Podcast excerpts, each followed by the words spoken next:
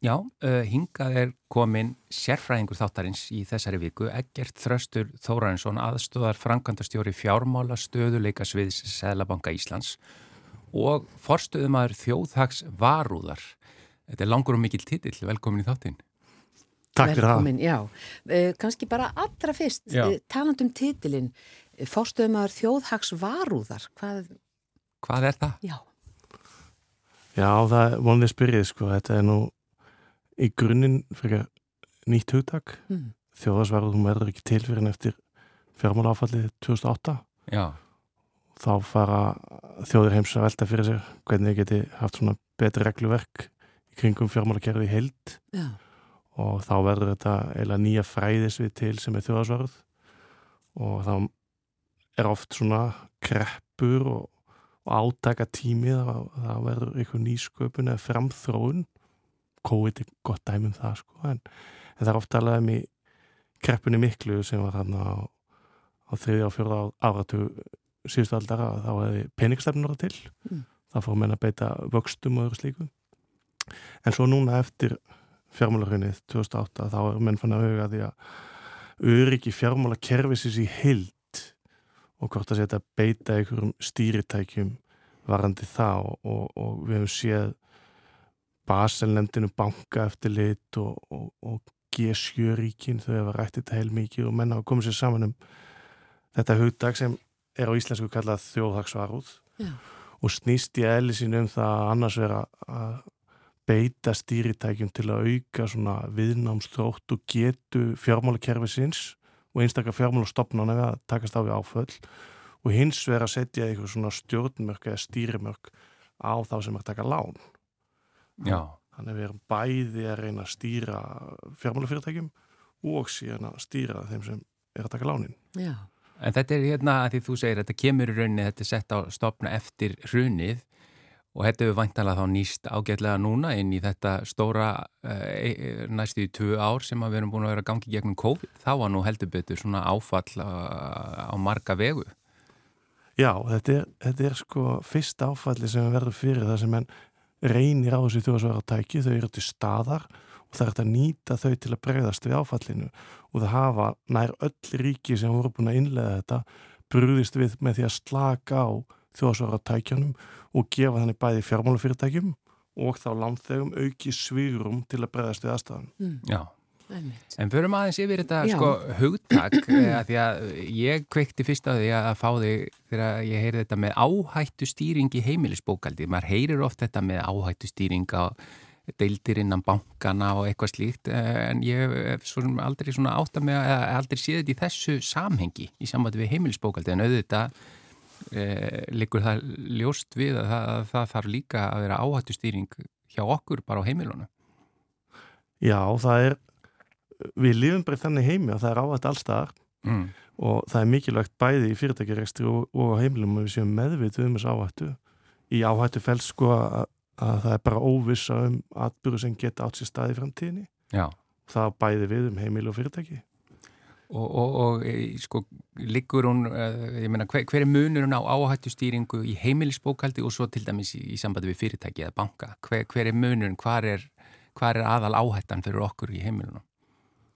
Já, þetta er nú að hluta til skilt en að hluta til ólíkt sko og hérna hjá heimilunum er náttúrulega stæðst áhættan er að annarkvæmt að fólk missi vinnuna, missi tekjuna sem standa fyrir útgjöldum heimilsins eða það verður bara einfallega missir á maka eða uh, þeim sem aflar tekna til framfæslu sko. Já, En það á kannski ekki alveg við um fyrirtækinu. Það er aðeins, aðeins misjafnir áhættur eftir gerð fyrirtækja. Hvort eru fjármála fyrirtæki, framleyslu fyrirtæki, annað slíkt sko. E- En, en varandi heimilin þá er þetta bæði svona fjárhásáhyggjur áhættur sem eru til staðar og hins vegar að það verður einfallega bara missir á, á fólki sem afla teknana sko. mm. mm. Og svo má náttúrulega ekki glema því sko að, að þetta er mjög ólíkar áhættur eftir því hvað fólk vinnur við. Og Þið sittir nú hérna á móti mér sko þá búið þið til dæmis við talsverða orðspós áhættu. já, ef við segjum einhverja vitleysu og, og oft, einhverju. já. Já, ef það væri kannski mjög slæmt þá myndi út að stjóra Stefán Eriksson gríp inn í og mm. þið geti mögulega mist starfið út á það sko. já, já. Er þetta hót okkur? Nei, ég er bara að segja að þið þurfa að gæta tungi ykkar. Já, Já, Ég er bara að vara ykkur við. Já, já, nei, það er alveg rétt. og það er þessi áhætta að vera alltaf í beitni útsendingu, nákvæmlega, alveg hár rétt hjá þér. En það eru hérna svona skilgreiningarsvið áætti þáttað og e, þú sendir okkur gögn hérna sem að maður svona, við gáttum aðeins kynnt okkur og þá er an, þetta er svona í þrennulægi, það er að segja þekktir áhættu þættir Svo er það áættu þættir sem aðilar eru meðvitaður um að geti gerst, en svo er annað sem ég hef áhuga á, það er þetta Black Swan eða svartur svanur. Já, ef við fyrir fyrst í sko þess að þekktu, þá vitum við til dæmis að postulínu í eldhúsinu, það getur brotnað. Já. Við erum bara meðvitið um það. Við erum líka meðvitið um það að dekkin á bílum okkar þau slitna Já. og við þurfum endun í þau. Já, Svo er eitthvað sem við erum kannski meðvitið um að gæti gest, en erum ekki alltaf velta fyrir okkar eins og bílinn gæti bílað. mm Sumi velja að keirum á nýjum bíl eða nýlegum bíl til að lámarka þessa áhættu mhm, og aðri keirum á eldri bíl og taka þá áhættuna að bílinn gæti bílað að kostnaði að gera bílinn. En síðan er hérna þriðji flokkurna þessum áhættu þáttum og það eru áhættu þætti sem við bara gerum okkur ekki grein fyrir að geta gæst. Við bara spáum ekki í og, og, og svo bara allt í hennu gerast þér. einhver stór áföll eins og til dæmis kannski COVID. Já, COVID er mjög gott dæmi og jarðskjálti eða einhverja náttúruhamfæri önnu dæmi. Sko. Já, já. Og, Og- þetta er kallað svarti svanurinn. Þetta er gæta svartusannurinn. Já, og hérna sko áhættu stýringin hún nær í þessa þekktu áhættu þætti og þessa áhættu þætti sem við erum meðvitið um að gætu gest Mm. en síðan í þessa áhættu þætti sem við erum ekki meðvitið um að þá er ekki talið svara kostnaði að- að verja sig fyrir þeim með ykkur áhættu stýringu og þá komum við inn á það að þá viljum við hafa ykkur áhætlun hvernig við ætlum að bregðast við Mm. frekar en að vera að stýra þeirra áhættu sko. Og gott dæmi um það er að við Íslendinga við búum mjög vel að því leiti til dæmis varandi náttúrhanfæra, við erum búin að byggja hérna öflugan varasjóð í náttúrhanfæra tryggingu Íslands sko. Og COVID sem þú nefndir er mjög gott dæmi líka að, þetta er svartu svanu sem já, held að fáir gátu séð fyrir. Sóttvartanlækni var sjálfsagt búin að hugsa um þetta í sínum áallinum en, en við svona almenningu vorum ekki mikið búin að spá í þessu sko Mm. en þarna náttúrulega þá kem, koma stjórnveld að borðinu bregðast mjög öflugt við til að lámarka Skaðan af þessu. já, aflefinir af þessu sko. Já, En hvað sko, á- á við, við förum kannski betur, það eru spurningar sem snúa að svona áhætti þáttum í heimilisbókaldi og annað en það eru uh, í útgjöldum heimilana þá eru oft svona bara hlutir sem að maður áttar sér ekki endilega á að sé að setja uh, í raunni strik í reikningi, maður ætti alveg að gera þeim, maður er virkilega að skoða allar tölurnar en það eru oft uh, ekkit endilega tölurnar sem að maður bjóst við sem eru kannski að setja strik í reikningin. Já, það er alveg rétt séður og, og ég held nú almennt að meðvitund um útgjöldin sé nú ekki næjanlega mikil sko og, og við erum kannski allt og gjötna á það að borga bara vísareikningin á þess að fara eða kreditkortreikningin á þess að fara nákvæmlega en hvað við erum að greiða sko mm. og e, varandi heimilisreksturinn þá halda kannski flestir þessi stóru útgjaldaliðir eins og utanlandsferð eða kaupa húsgögnum eða eitthvað slíkt skipti mestumáli Mm -hmm. en það er kannski ekki alveg þannig það eru þessi reglulegu útgjalda þættir sem við þurfum kannski að huga mest að sko, erum við með áskrift að einhverju, kannski sjómastöð eða líkansræktakorti einhverju sem við erum ekki að nota neitt Mm. Borgun samt í það hverju ekki margir þetta. Já. Já. og, og síðan þessi nýja tækni hefur það að verkum að við erum með alls konar upp sem við erum að borga fyrir Mm. Netflix og Spotify og Viaplay og vírusvarnir og nefndu það sko. Já, akkurat. Það er akkurat einn spurninga mitt sem snýr, snýr aðeins að þessu. Já. Þannig að, uh, já, spurning bara hvort að við förum í Já, fáum bara eitt, eitt lag núna uh, og svo bara gefa okkur góðan tími að því þá myndu svara einmitt mörgum af þessum hlutum sem við erum að velta fyrir okkur því að það eru margar spurningar sem snúa að því þannig að Eggert Þótt Þórarinsson, uh, sérfræðingur þáttarins uh, við erum að velta fyrir okkur heimilisbókaldi og áhættu stýringu og áhættustýringu, já. bókaldinu. uh, Hér fáum við lag með spilverki Þjóðana og svo höldum við áfram og þá svarar hann spurningum hlustenda vor á hverjum hó spretti grös heimsum vó Nótt sem nýtan dag. Einn tómt stríð.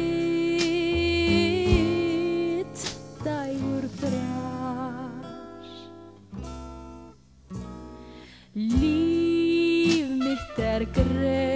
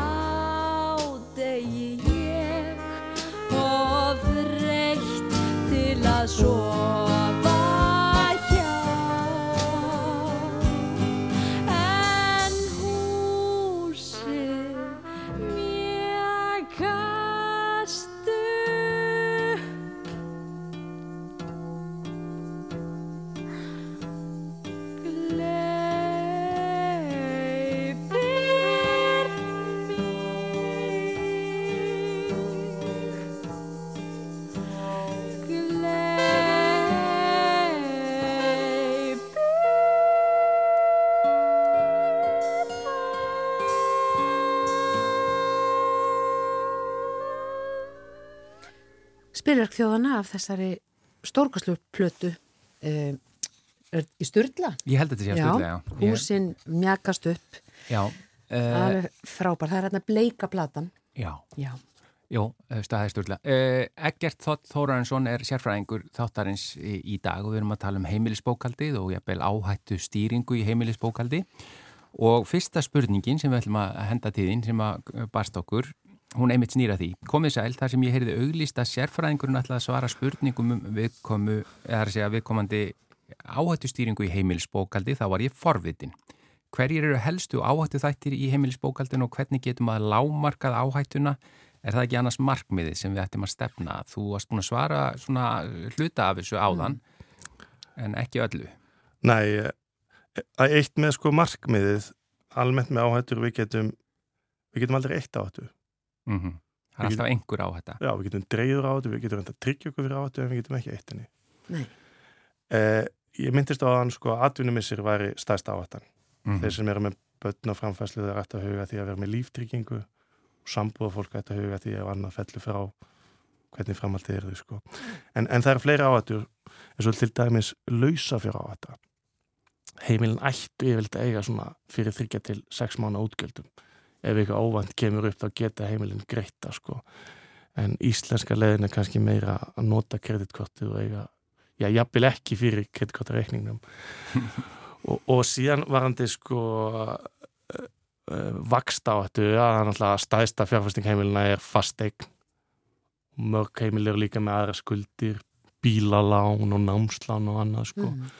og það eru mörg heimili sem eru með vaksta áttu þar að segja að þau eru ekki með fasta vexti á þessum skuldum og með hækkandi vöxtum eða þá eikst greiðslubyrðin og, og það er mikilvægt að heimilin stilli greiðslubyrðin og þannig að þau ráði við að þrátt fyrir að vextir hækki sko. Já, þannig að hafa þetta sveigrum. Hafi sveirum Mm. Heldur að því þú segir að íslenska leiðin er að bara mögulega eiga fyrir næsta kreditkortareikningi uh, og ég velti fyrir mér, ég þekki fólk bara á Norrlöndunum sem er miklu, miklu séðara í þessum málum og hugsa til dæmis um vakstast, finnst þér við bara íslenskir neytendur ekki hugsa nógu mikið um þetta?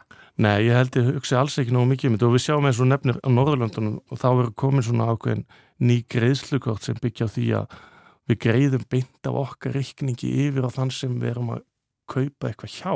Mm. Ég er ekki vissum að Íslandinga gætum þetta í dag af því við eigum kannski bara ekki á tjekkreikninu til að greiða fyrir það sem við erum að fá í dag. Við fáum alltaf að lána með greiðkortinu sko. Mm. Þannig að við erum að lifa svona mánu fram í tíman. Já, liða mánu frá tíma og það þarf vel að huga fast breytingu til Og- að við getum innlegt þetta norræna kerfi sko. Og talandi um áhættu og þá erum við vantarlega mun viðkvæmari fyrir ef eitthvað kemur upp á ef við erum alltaf að lifa fram í tíman á lánum. Já, já, ekki spurning. Já. En að því þú myndist á þarna vextina, að við þurftum að hafa þetta svigrum fyrir vaksta hækkanir, uh, það hefur svona aðeins verið að, uh, svona, svo umræða hefur aðeins verið núna undanfarið, af því að það svona eru, já, kannski blíkur á lofti og verkalýsreifingin hefur verið að svona vara við þessum, þessum hækkunum að þetta geti sett, uh, sem sagt, húsnæðslánin í uppnáma, því fólk hefur náttúrulega verið að skuldbreyta lánum og, og svona alls konar. Svona, hvernig sér þú þetta? Hvernig ætti fólk að, að svona undibúa þetta í heimilisbókaldinu? Já, að- að- fyrst aðeins með vextina sko, hækkandi vextir, þeir eru merkið sem það hagkjörnu gangi bara mjög vel. Það er bara hátt atvinnustig, það er lítið atvinnuleysi, hækkandi rástöfunatekjur og kakan sem þetta skiptana fyrir okkur öll, hún er bara að stækka. Og það ætti að vera fagnar efni að, að vextir séu að hækka sko. Á móti látt vaxtastig þá gengur hagkjörnu illa sko, atvinnuleysi mikið, rástöfunatekjur kannski að drafast saman og kakan er að minka sko. Þannig að það ætti að fagnarefni fyrir okkur öll að, vaxtast í sé að hækka. Eh, en fólk þarf að huga því við skuldsetningu að það hafi borð fyrir bára að vextir geti hækkað. Og kannski það vaxtasteg sem við erum með núna er kannski ekki alveg svona jafnvægis vaxtasteg. Það gætu hækkað en þá meira ef við horfum bara á sögulega vexti sko. Og þá er mikilvægt að, að, fólk hugja því að geti greitt að lánunum Hmm. og, og hérna fjármálastöðuleik nefnt Selabankus er eiginlega nýbúin að innlega svo kallar greiðslubyrða hlutfall og það setur nefndin ákveðin takmörkun að fólk geti ekki eitt meira en 35% af rástunumtekjum sínum á mánuði í að greiða af húsnæðislánum. Já. Já. Sem var me- 40, er það ekki? Það var ekki til staðar neitt, neitt skilir en það er náttúrulega, fólk þarf alltaf að standast greiðslum að tjá viðkomandi fjármálastofnun. Mm, Já, og ég meina við þekkjum það bara að fólk reynir að komast í gegnum greiðslumati bara með öllum hætti uh, og, og reyna þá að komast alltaf fram hjá þessu sko sem er kannski bara alls ekki gott. Það er ekki gott í lengri tíma litið, sko. Mm. Alls ekki. En einmitt, uh, og það er einn spurning einmitt hérna sem snýra hans að uh, verðtriðum lánum eða óverðtriðum úr þegar við erum að tala um vextina hvað, uh, nú hef, nú hafa margi verið að taka óverðtrið lán uh, mun það eitthvað minka þá svona Þegar vextir hækka. hmm. Já, það er alveg rétt í okkur að greiðslubyrðin af óverðtögun lánum, hún getur í einhverjum tilvægum verið þingri en greiðslubyrðin af verðtögun lánum, þannig að með hækkandi vakstati gæti myndast þessi kvati, en það er rétt að hafa í huga að þetta snýst svolítið mikið um áhættu vilja fólks. Já, einmitt Hvort fólk vil greiða lánið hratt niður og hafa þá mikla eignamyndun, eða hvort fólk lítur meira á fjárfæstæðis og húsnæði sem svona hálfgerða leigu, Mm greiðslubyrðin sé bara temmileg, Já, en, en þurfi kannski ekki endilega eignast húsið með tíð og tíma já, og ég held við séum búin að sjá ákveðna hugafarsbreytingu kannski á síðustu 20-30 árum. einmitt. Það var einu sinni hugsunin að við þurftum að eignast húsnæða fullu áður við myndum að hætta að vinna. En með stóri lífeyrskerfi sem við höfum í dag að þá er fólk verið að sapna í lífeyrissjóð og, og hugsa kannski ekki jafn stíft og áður um að sé nöðslega að eignast húsnæði. Mm. Þetta snýst bara fyrst og fremst um áhættu vilja fólki. Já, en aðeins kannski hér að eh, spurningu sem hljómar svona uh, og snýst um fjármálalæsi. Góðan dag, nú hefur verið fjalla talsvert um fjármálalæsi Íslendinga sem er kannski ekki á sérstaklega háu stíi. Það er ekki að gera skurki þeim málum, var ekki þjóður ráð að kenna fjármálalæsi betur í skólakerfinu svo fólk þurfi ekki að læra af erfiðri reynslum þar sem margir viðast þurfa að reka sig á vegg og jætmi lenda í vandraðum áður en þau verða meðvitaðar um hætturnar sem leynast í fjármálum heimilana. Jú, ég gæti náttúrulega annað að vera sammála þessu. Ég held að það sé mikilvægt að auka fjármálalæsi og, og hérna innlega það á sem flestum skólastegum, sko. En þetta virðist nú ofta tíðan vera svona, já, hálfgert feimnismáli á fólki, sko.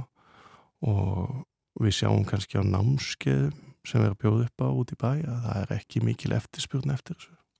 Eftir já sem snúa að heimilisbókaldinu. Já, sem snúa heimlisbókaldinu sko. Já, þetta er eitthvað feimnismál, bara að ræða sitt sín fjármál. Já, kannski erum við Íslandika, við viljum ekki segja frá því að við vitum ekki hlutin en svo áttum við okkur kannski á því að það eru allir aðri, eða mjög margir aðri í sömu stöðu. Mm, Já, ennmitt. Þannig að þessar upplýsingar bara nýtast svo mörgum. Já, og endilega meira fjármálalæsi. Eh, hér er önnur kontisætlega gert, hvað segir þú um séregna lífeyri sparnað? Mér finnst eins og fólk í kringum mig áttis ekki almennilega á honum og hvernig hann virkar. Getur þú útskýrt hann aðeins á, mannamáli og hver eru kostirnir og gallarnir ef eh, einhverjir eru? Það er að segja ef að gallarnir eru einhverjir. Ekki að byrja á kostunum. Já, Eh, þetta er náttúrulega það sparnafá sem ég held að fólk ætti að horfa til fyrst þegar það spói sparnaði. Því það er nefnilega þannig að, ef þú sem uh, launamaður leggur 2% í sérregn þá er vinnuveitandinn hann er skuldbundin til að leggja 2% á móti. Þannig að þú fær bara sjálfkrafa 2% launahækun.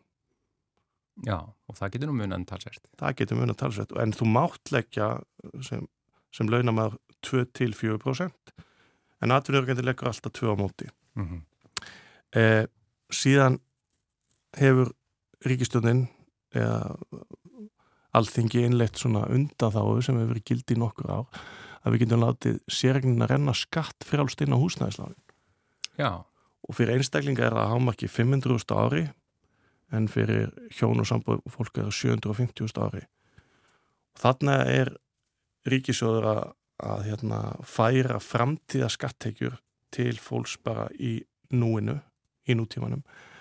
Og fólk þyrti annars að greiða tekjuskatt af þessum sérgnarspartnæði. Mm. Ef við segjum, það er náttúrulega misið tekjuskattspröðundana eftir tekjum en ef við segjum 40% verður kannski meðal tekjuskattur sem við myndum greiða af þessu þá er einstaklingurinn að fá þarna ykkur- ykkur 200.000 krónur að eiginlega skatta afslátt. skatta afslátt á hverju Já. ári og hjónin ykkur, ykkur, ykkur tæpa 300 krónur sko. Já, fólki finnst þetta kannski ekki há upp að sko, en, en 200 krónur ég meina það það er ykkur 16-17 skall í mánuði sko. og með að við kannski hvað eh, húseignir eða fasteignir eru að hækka í verði að þá getur þetta orðið ennþá meira ef þetta fer inn á, inn á fasteigna lán og þá getur eigna myndunin orðið meiri. Já, eignamyndinu verður meiri sko. Já, En, en ef við komum þá ókostunum sko að, að náttúrulega við erum þá að festa 2% af laununum okkar í séregn mm þannig er ástöðun að tekja okkar minka á móti sko. já, og síðan eru alls konar aðri þættir eins og séregn hún, hún er vist og hún er ekki aðfarahæf og ólíkt sameng þá, þá hérna, erfistum við andlátt Já, einmitt. Uh, ein hérna um líf og heilsutryggingu. Við hjónin erum 58 ára gömul, höfum verið með líf og heilsutryggingu, sjúkdómatryggingu hjá tryggingafélaginu okkar í mjög mörg ár. Við erum svo heppin að hafa ekki þurft að nota hana. Nú er yðgjaldið að þessari sjúkdómatryggingu orðið mjög hátt finnst okkur, enda eðlilega hækkar yðgjaldið eftir því sem við eldumst. Yðgjaldið er 129.805 fyrir mig e, undirritaða og 124.687 fyrir eiginmannin. Við höfum aðeins verið að velta fyrir okkur að segja upp þessari tryggingu. Er það ráðlagt eða ráðlegt segi ég e, og hvað segir þú? Við skuldum ekki mikið eða bara freka lítið í okkar húseg. Þetta er mjög góð spurning og þetta er eitt af því sem heimilin lætt að huga að, að það er sko tryggingaþörfin og við erum oft að kaupa tryggingar á mörgum stöðum fyrir sama hlutnum. Tökum, sem, tökum sem dæmi ferðatryggingu. Fest, flest þá greiðum við fyrir ferðina með kreditkortinu og það er ferðatrygging innifælin í kreditkortinu. Mm. Svo erum við með einhvern, einhvern svona fjölskyldu pakka eða fjölskyldu tryggingu og oftast er ferðatrygging innifælin líka í fjölskyldu tryggingunni og síðan kaupum við kannski forfallatryggingu hjá flugfélaginu. Og þá erum við búin að tryggja okkur þrisa sinnum. Er það, fær maður þá ekki þrefald, þrefalda upphæð úr tryggingunum ef einhvað gerist eða hvað? Nei, eh, Það er ekki þannig? Nei, af því að þú færði ekki meira en sko kostnæður svo að hún leggja í þetta. Já, En varandi þessa ákveðnu spurningu þá þarf fólk að huga að því sko eh, hvað er þetta að tryggja með þessari sjúkdóma tryggingu og hvað getur þú fengið út úr henni og þetta er endalist hagsmunamatt það að yðgjaldi sé að hækka það eigur líkunar á því að fólk þurfa að nýta sér trygginguna þannig er það reiknað út. þannig er reikna út eftir sem áhættan er meiri og aukna líkur á að þú fáir eitthvað út í trygginginu þá er þetta borga hæra eðgjald Mm. en, en kannski rétt að svara við þessu væri að, að fara í eitthvað heilsufa smælingu kannski á vegu stjættafélagsins eða eitthvað slíkt og kanna síðan hvað tryggingin dekkar og, og átta sig á því hvort er líklegt að þú munir fá eitthvað út úr þessari tryggingu eða hvort það sé ólíklegt sko. Já. En það er líka hárétt hjá þeim að, að eftir sem við skuldum minna í húsegninni, eftir sem við minni skuldbendingar almennt, þá þurfum við ekki að trygg, tryggja okkur jafnvel, hvorki með lífi eða sjúkdómatryggingum. Akkurat. Það er bara næsta spurning. Já, og hún er svolítið tengt hérna öðru sko, við, þú ert búin að aðeins að fjalla um uh, sko hérna, sætlega gert, hverjir eru lúmskir útgjaldaliðir heimilis, þar sé að útgjöld sem einhvern veginn rata ekki inn í heimilisbókaldið heldur kannski eitthvað sem er smátt, smáar upphæðir en getur verið lúmst há upphæð svona yfir árið, eitthvað sem að fólk vannmetur. Þetta er þú svona fóst aðeins inn í það en það má aðeins skoða bara þannig að maður geti farið að skoða almennilega reikningana til þess að, að, að ertu með einhverjar frekari Hérna stendur inn, að, inn í sviga, Já, bakari, skyndibiti, salgeti, kaffibotlar. Ég, ég, ég mæli nú með sko í þessu tilvíkum að fólk nýti sér tæknina, það er yfir svona smáfóritt, mm. til dæmis meninga, þá getur fólk borið saman sína út- útgjaldaliði með við meðalheimilið og ef það stingur veruleg stúf og er ekki svona eðlileg skýring á því þá ætti fólk kannski að huga því hvað er ég að kaupa svona mikið í þessum útgjaldalið sko. en, en þetta er mesti spartnarum fyrir heimilin er að fara í þessa litlu hluti sem er eiginlega fastri áskrift af því að þar getur fólk oft á tíðum sparað verulega upp það sem munar um yfir árið. Mm. Eins og varst að tala um, eins og með þessum öppum og, Já, já, og þá bara fara yfir Áskriftum og- kreditkortareikninga og annað, hvað er, hvað er í virkilega að nota? Já, það er rosa auðvelt að kaupa ekki á netinu nú til dags. Við þekkjum það öll sko. Já, og, og mörg af þessum öppum þau gera það verkum að við borgum ánægilega hvort sem þetta er að Playstation uh, Spotify-inu uh, Viaplay eða hvað þetta er en ef við erum ekki að nota þetta þá er ekki ástæðilega að kaupa þetta sko já. Já, já, og þetta er, að, þetta er kannski ekki stóra upphæðir hver og ein en þegar þetta sapna saman þá er þetta orðið mikið. Já, þetta getur náttúrulega verið 2-3 þúsund á mánu þetta getur verið 30.000 á ári sko margt smátt gerir eitt stórt já. En en rétt í lókinu því að sko áður en að við missum þig, hérna, ég er að velta fyrir mér með bara svona sparnað, því þú talaður áður en séregna eh, sparnað. Eh, nú ætlum við, ef einhver á einhvern svolítinn pening, að því að er ekki rétt hjá mér að, að eh, vakstastig sé svo lágt í dag á, á svona sparnaðarreikningum, eh, að það í rauninni er ásalega lítill, eh, lítlir vextir af innegn í banka í dag, ekki satt? Jú, þetta er mjög góð punktur hjá þau sko þetta er einn af ókostunum við látt vakstastegu Mm. þar að spartnæðin getur farið niður af því að, að vextinni sem við fáum á spartnæðin er mjög lítill sko. Þannig ef einhver setur einhverju upphæð inn á sparnaða reikning þá er í raunin að koma mjög lítil ávöxtun á hann. Já, en á móti kemur áhættan sem það tekur er mjög lítill sko. Já, Þetta snýst alltaf um ávöxtun versus áhættu. Ef þú kaupir hlutabref sem Mhm. mögulega gætu ávöxta sem meira að þá ætti að taka líka talsverð áhættu. já. En í spartnæðreikningin tekur þú litla áhættu sko. En segjum sem að fólk eigi einhverju upphæð sem að vill spara og helst ávaksta, þá hverjir eru kostirnir? Það er, það er an- svona einhver sparnaðarreikningu sem er kannski með lágavexti. Hvað annað og svo mögulega hlutafjár uh, kaup, en hvað, hvað annað er í bóði? Já, svona liggur beinast við fyrir heimilinu það er annars, an, annarkvæmt að liggja með þetta inn á spartnæðreikningi í banka Mm -hmm. eða skoða einhverja verbreyfasjóði. Það er bóðið upp á að þú getur fjárfæst kannski í skuldabreyfasjóð sem er með til þess að gera litla áhættu. Svo getur það farið í eitthvað blandaðan sjóð, hlutabreyf og skuldabreyf sem kannski öllu til meiri áhætt en, en aðeins meiri líkur ávöxtun og svo getur það farið bara í reyn hlutabreyf. Já, og það er hægt að skoða þá hvað er svona hefur verið ávöxtunin á þessum sjóði í undarfarinin ári eða eitthvað slíkt. Já, en það verður náttúrulega að hafa í huga að söguleg ávöxtun, hún er ekki endilega vísbending um ávöxtun í framtíðinni. Nei, mitt. Það er kannski að erfið í þessu, það er erfitt að sjá inn í framtíðina. Já, en þetta veldur á endanum allt á áhættu viljanum sem við erum tilbúin að taka og eftir því sem við tökum meira áhættu þá eru meiri líkur og við gætum mögulega að tapa einhverju en ávöxtun líkurnar eru líka meiri. Mm. Já, Já, áhugavert. Bara kæra þakkir fyrir komuna Eggert Þór Þórensson Og þetta eh, snerist um áhættu stýringu í heimilisbókaldi meðal annars. Já, og bara heimilisbókaldi yfir höfuð. Já, Þakka er innilega fyrir að vera sérfræðingur mannlega þáttarins í þetta sinn. Takk fyrir mig, takk fyrir að bjóða mér.